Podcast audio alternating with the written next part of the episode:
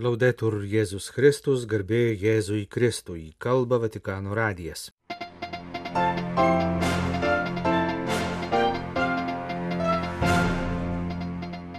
Varkstančiuosiuose nukryžiuotas Jėzus laukia prisikelimo, sakė popiežius Pranciškus per trečiadienio ryto bendrąją audienciją. Katechezėje buvo kalbama apie uolų, Evangelijos skelbėją ir liudytoją, misionierių Afrikoje vyskupą šventąjį Danielių Kombonį. Popiežius paprašė tarptautinę bendruomenę siekti taikiai išspręsti konfliktą Kalnų Karabache. Popiežius pasveikino tarptautinio simpozijumo apie Šventojo Jono 23 encikliką Pacem Interris dalyvius. Per Rusijos antpolį Lvivę sunaikintas humanitarinės pagalbos sandėlis. Mūsų laidos pabaigoje kalbėsime apie Romoje mirusio benamio laidotuvės, kurioms vadovavo popiežiaus išmaldininkas kardinolas Konradas Krajevskis. Bendrosios audiencijos katechezėje popiežius iškėlė dar vieną uolumo skelbiant Evangeliją pavyzdį. Nel cammino di catechesi sulla passione evangelizzatrice, cioè lo zelo apostolico, oggi ci soffermiamo sulla testimonianza di San Daniele Comboni. Tęsdamas prieš kelis mėnesius pradėtą katechezių ciklą apie apaštališkojo uolumo liudytojus, šį trečiadienį Pranciškus kalbėjo apie XIX amžiuje Afrikoje tarnavusį italą misionierių vyskupą šventąjį Danielių Kombonį. Pranciškus pacitavo paties šventojo misionieriaus žodžius, liudijančius, kaip labai jis gerbė Afrikos žmonės ir kaip jiems buvo atsidavęs. Jie pavergė mano širdį, kuri gyvena tik dėl jų, rašė Danielius Kombonį. Aš mirsiu su Afrika lūpose. Popiežius priminė, kad XIX amžiaus Afrikoje buvo dar labai paplitusi vergovė.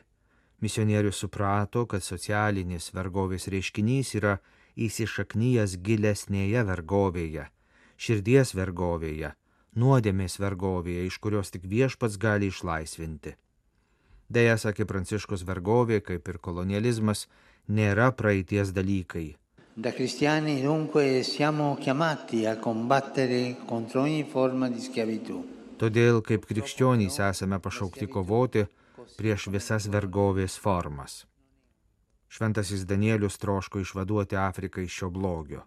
Jis siekė misionieriško atsinaujinimo įtraukdamas į bažnyčios veiklą vietinius krikščionis, rėmė vietos dvasininkų ugdymą ir skatino pasauliečių katechetų tarnystę, jo uolumas gimė iš Evangelijos džiaugsmo ir rėmėsi Kristaus meilę. Jis rašė, kai žmogus iš tiesų myli Kristų, tada vargai, kančios ir kankinystė yra saldumas. Suo desiderio era quello di vedere missionari ardenti, gioiosi, impegnati. Missionari scrisse santi e capaci primo santi, cioè alieni dal peccato e umili. Jis norėjo, kad misionieriai būtų uolūs, džiaugsmingi ir atsidavę, bet pirmiausia šventi, tai yra laisvi nuo nuodėmės ir nuolankus.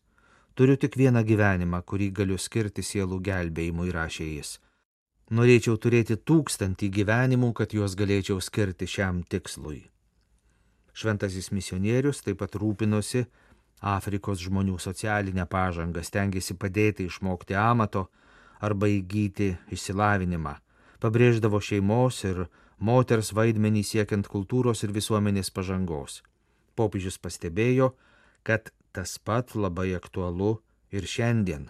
Misijų darbe būtina skelbti tikėjimą ir skatinti žmogaus vystimasi, o ne tik perkelti į misijų kontekstą svetimus modelius ir tik šelbti stokojančiuosius evangelizavimo darbe ne vietinė kultūra turi būti priderinta prie iš svetur atneštų modelių, bet Evangelijos žinia turi būti įkultūrinama, skelbiama atsižvelgiant į konkrečius vietinės kultūros ypatumus. Galiausiai priminęs Šventojo Danieliaus kombonį ypatingą meilę ir dėmesį vargingiausiems ir pastangas jiems padėti, popiežius sakė, kad jo liudijimas tarsi kartoja mums visiems, bažnyčios vyrams ir moterims, nepamirškite vargšų, mylėkite juos, nes juose yra nukryžiuotas Jėzus, laukiantis prisikėlimo. Non dimenticate i poveri, amateli, perché in loro è presente Gesù Cristo crocifisso, in attesa del risorgere. Trečiadienį po bendrosios audiencijos katechezės popiežius paminėjo paaštrėjusią krizę Kalnų Karabacho regione ir paprašė tarptautinę bendruomenę siekti taikaus sprendimo. Ieri mi sono giunte notizie preoccupanti dal Nagorno Karabakh nel Caucaso meridionale. Gauname nerimą keliančių naujienų iš Kalnų Karabacho pietų Kaukaze, kur ir taip sunkia humanitarinę padėtį dar labiau pablogino ginkluoti susirėmimai. Kreipiuosi į konflikto šalis ir tarptautinę bendruomenę, ragindamas sudėti ginklus ir dėti visas pastangas, kad būtų rasti taikūs sprendimai žmonių labui ir gerbiamas žmogaus orumas, sakė Pranciškus. Trečiadienio bendrosios audiencijos pabaigoje popiežius paminėjo ir Ukrainą, prašė nepaliauti padėti kenčiantiems žmonėms ir melstis. Restiamo uniti nella vicinanza e nella preghiera per la cara martoriata Ucraina. Popiežius pasveikino tarptautinio simpozijumo apie encikliką Pace Minteris dalyvius popiežiškosios socialinių mokslo akademijos ir Oslo taikos tyrimų instituto simpozijume minimos popiežiaus Šventojo Jono 23-ojo enciklikos 60-osios metinės. Simpozijumas vyksta pačiu laiku, kai pasaulis yra trečiojo pasaulinio karo vykstančio dalimis gniauštuose tragiško karo Ukrainoje fone, kuris kelia ir brandulinio ginklų panaudojimo pavojų, žinioje pažymėjo popiežius. Atkreipęs dėmesį į siaubingą moderniųjų ginklų naikinančią jėgą, Pranciškus pakartojo savo pirmtako įspėjimą istorinėme dokumente, jog valstybių ir individų santykiai turi būti reguliuojami neginkluota jėga, o pagal sveiko proto principus - tiesos, teisingumo, įtaigaus ir nuoširdaus bendradarbiavimo. Popiežius reiškia vilti, kad simpozijumo dalyviai pranešimuose analizuos ne tik taikai grėsinčius karinius ir technologijomis pagristus pavojus, bet ir etinius samprotavimus apie rimtą brandulinio ginklo turėjimo pavojų, svarbą atnaujinti nusiginklavimo procesą ir taiką skatinančių iniciatyvų kūrimą. Visų atsakomybė palaikyti gyvą viziją, kad pasaulis be branduolinio ginklo yra galimas ir būtinas. Šioje sferoje pamatinis yra jungtinių tautų organizacijos ir susijusių institucijų darbas, pažymėjo popiežius. Pasak Pranciškaus, moralinės branduolinio karo implikacijos turėtų neužtemdyti svarbių etinių implikacijų, kurias šiuo metu vykstančiuose karuose kelia konvencinio karo ginklai, kurie turėtų būti naudojami vien tik gynybai, o nenukreipiami į civilius taikinius. Popiežius sveikinimo žinioje išsakė viltį, kad šios temos aptarimas leistų suderinti nusistatymą, jog tokie ginklai dėl jų didžiulės naikinamosios galios nebus panaudojami būdais, kurie galėtų sukelti perteklinės traumas ir bereikalingas kančias, pažymėjo popiežius žinioje pacitavęs Sankt Peterburgo deklaraciją, pasirašyta 1868 metais tuo metinių Europos galybių ir pridūręs, kad šiuos žodžius įkvėpia humanitariniai principai, paremti tautų teisės tradicija, tebėra aktualūs ir šiandien, praėjus daugiau kaip 150 metų. Ukrainos karitas spes informavo apie didžiulius Rusijos atakus padarytus nuostolius humanitarinės pagalbos sandėlyje Lvive. Po dronų atakos sandėlyje kilusiame gaisre sudegė apie 300 tonų humanitarinės pagalbos produktų.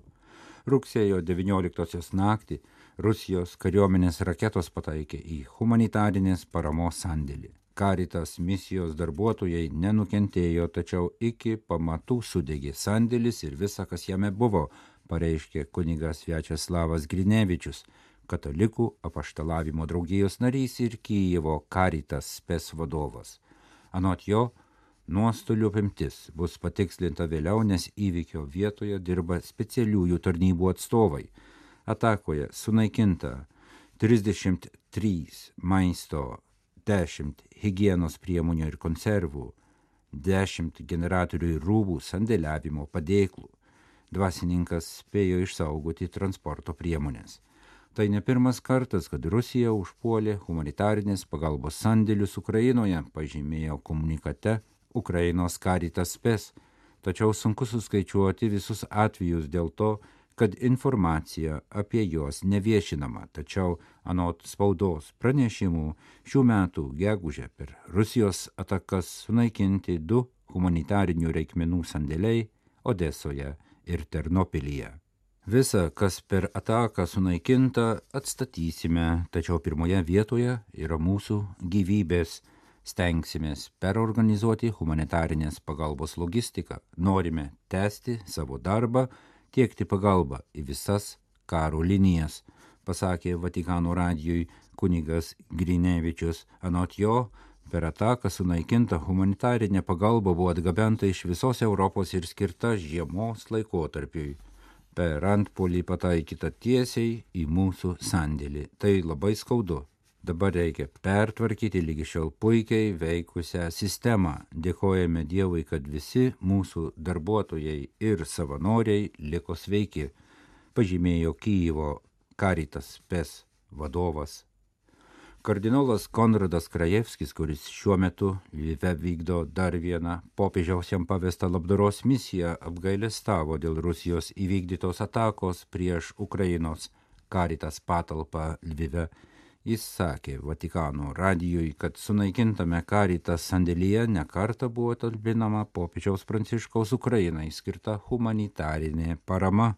Konradas Krajevskis, Šventojo sosto gailestingosios meilės tarnystės dikasterijos prefektas, misijos į Lvivo metu atgabeno daugiau humanitarinės pagalbos. Jis ateinančiomis dienomis popiežiaus vardu atidarys apsaugos namus moteriams ir vaikams, pastatytus Romos vyskupo ir kitų remėjų dėka. Namai skirti iš bombardavimais nuniokotų vietovių pabėgusiems žmonėms, pirmiausiai vienišoms motinoms su vaikais, nenorėjusiems apleisti tėvynės ir gavusiems prieglopsti Lvive. Apsaugos namuose taip pat veiks valgykla vargstantiems žmonėms.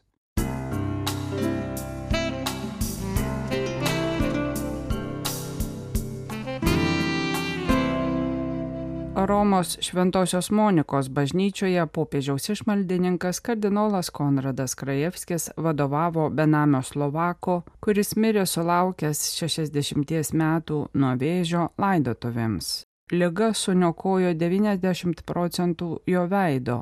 Štai kodėl jis visada vaikščiojo užsidengęs veidą nosinę. Prieš tai gyvenęs viename Romos parkų, prieš metus jis atvyko į prie Vatikano esančio prieglaudą Palačio Miliori, nes kardinolui pavyko jį įtikinti, popiežius tave kviečia.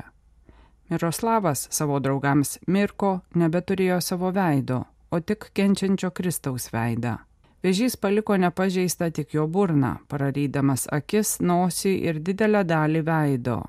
Jį vadino žmogumi su šydu, nes jis prisidengdavo audeklu. Jis vos galėjo sumurmėti keli žodžius. Po metų praleistų palaco milijorį šalia Šventojo Petro aikštės kolonados jis ėmė ir šipsotis.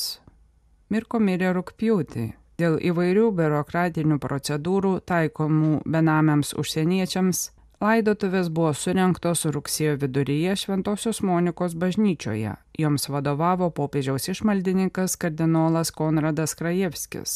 Su Mirko atsisveikino apie šimto žmonių būrys, tarp kurių buvo kunigai, vienuolės, savanoriai, Slovakijos ambasados atstovai, struktūrą prižiūrinčios Šventojo Egidėjaus bendruomenės nariai ir apie 50 vargšų, kuriems šis žmogus tapo draugu.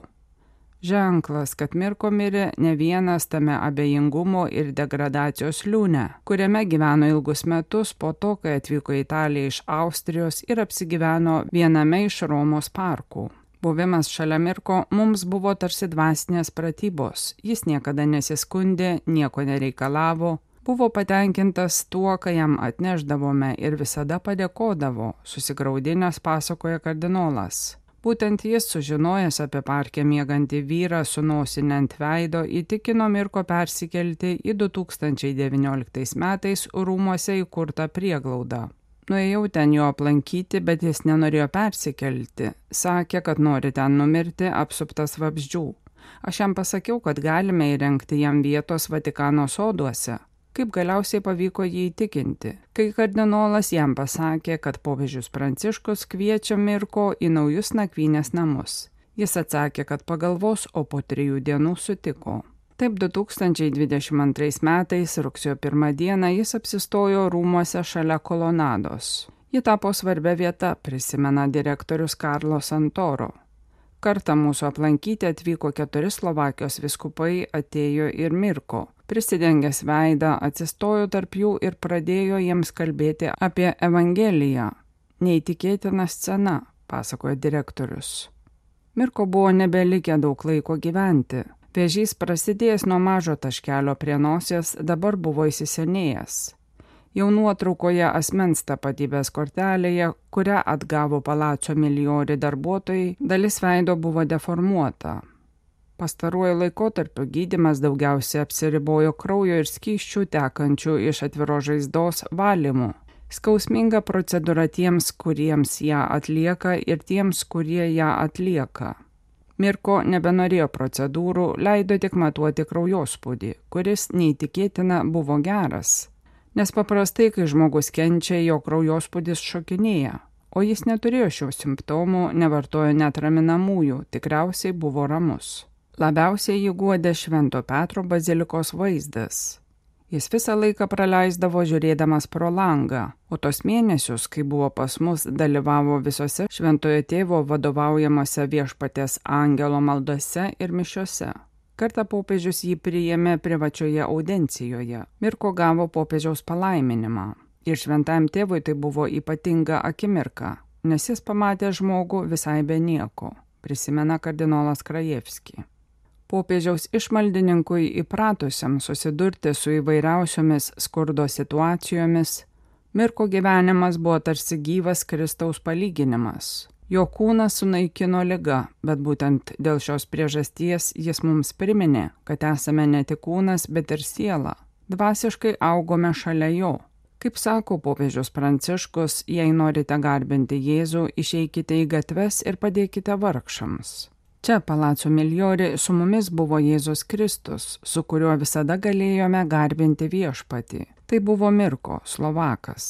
Tęsė kardinolas Krajevskis homilijoje sakęs, kad Mirko mirė, vadinasi, jis gyvena, nes yra būtent taip.